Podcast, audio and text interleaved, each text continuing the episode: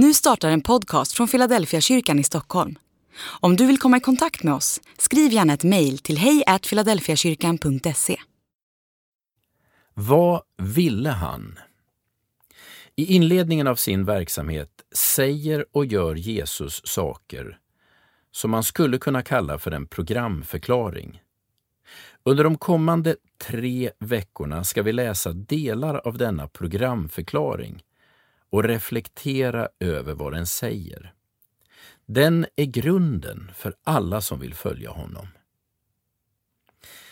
Det första han gör är att samla en grupp lärjungar. De är förebilden för den nya gemenskap som uppstår i hans efterföljd. Det han säger och gör med lärjungarna är en föraning om vad församlingen handlar om.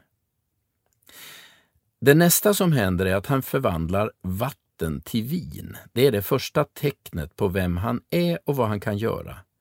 Den djupare innebörden i vinundret beskriver vad Jesus kan göra med våra omständigheter. För det tredje talar han med en man som hette Nikodemus om att födas på nytt. Det är ett samtal där Jesus steg för steg förklarar vad han vill göra med våra liv. Följ med på tre veckor som handlar om grunden för det Jesus vill göra med oss. Vecka 2. Till vanliga människor. Nästa dag stod Johannes där igen med två av sina lärjungar. När Jesus kom gående såg Johannes på honom och sa Där är Guds lamm. De båda lärjungarna hörde vad han sa och följde efter Jesus. Jesus vände sig om och då han såg att de följde honom frågade han vad de ville. De svarade Rabbi, det betyder mästare. Var bor du? Han sa, följ med och se. De gick med honom och såg var han bodde och stannade hos honom den dagen. Det var sent på eftermiddagen. Andreas, Simon Petrus bror, var en av de två som hade hört Johannes ord och följt med Jesus. Han träffade först sin bror Simon och sa till honom Vi har funnit Messias. Det betyder Kristus. Han tog med sig honom till Jesus. Jesus såg på Simon och sa Du är Simon, Johannes son. Du ska heta Kefas. Det betyder Petrus.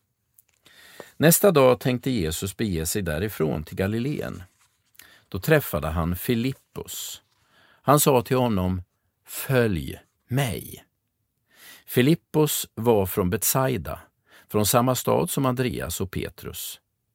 Filippos träffade Natanael och sa till honom, Vi har funnit honom som det står om i Mose lag och hos profeterna, Jesus, Josefs son från Nasaret.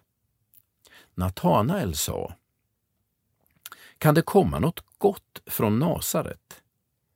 Filippos svarade, Följ med och se. Jesus såg Natanael komma och sa till honom, Där är en sann israelit, en som är utan svek. Natanael frågade, Hur kan du känna mig?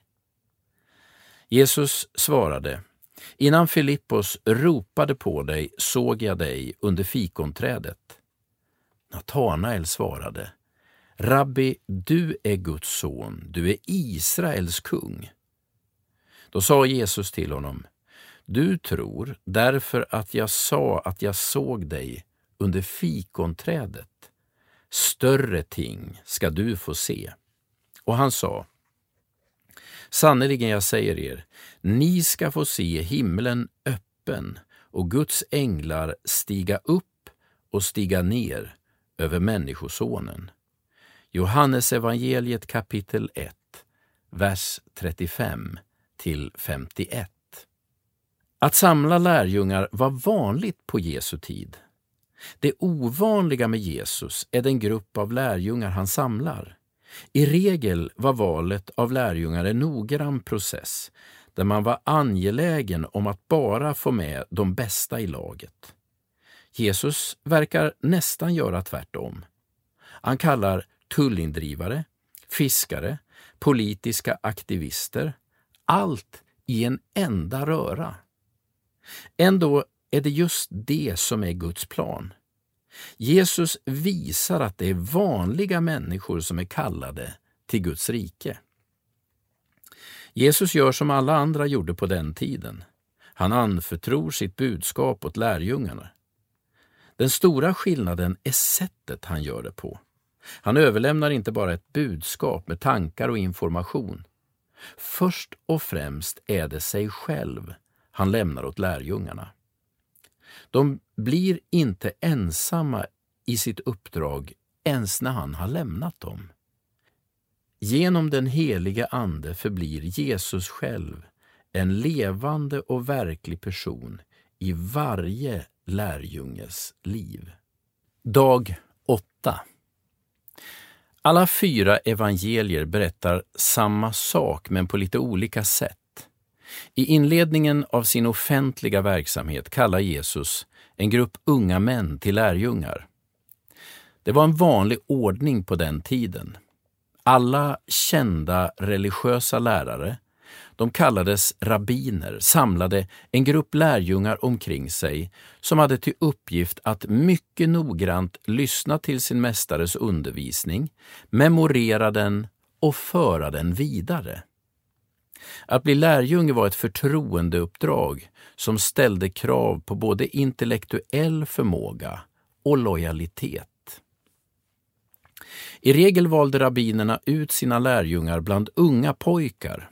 Eftersom alla pojkar på denna tid fick lära sig stora delar av Gamla testamentet utantill i skolan kunde man sålla fram de mest talangfulla och intresserade bibelstudenterna.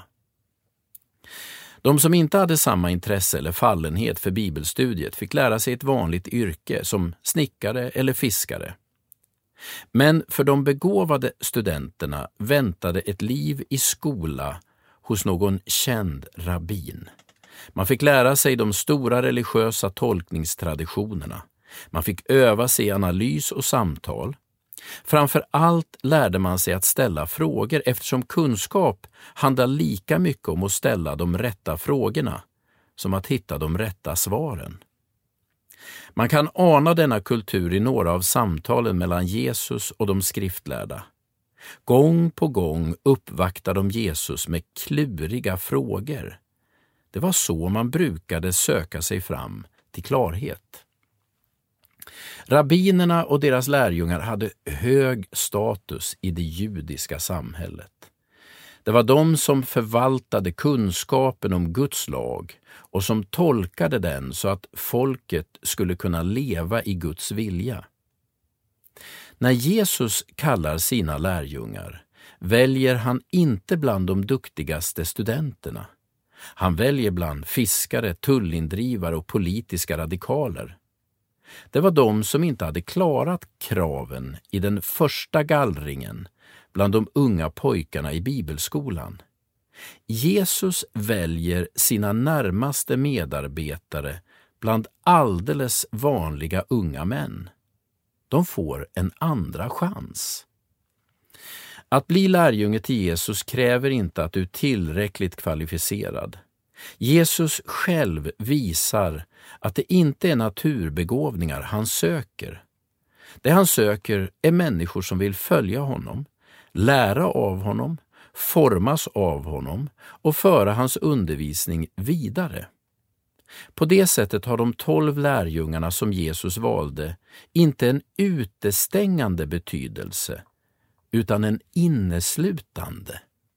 Kan de, då kan du. Andlig övning Jesus kallar vanliga människor till lärjungaskap. Tacka Jesus för att du platsar i hans närhet. Bestäm dig för att låta någon människa komma nära dig idag som du normalt inte släpper in.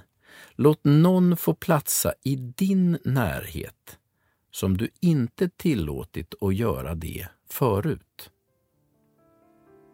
Gud välsigna dig den här dagen.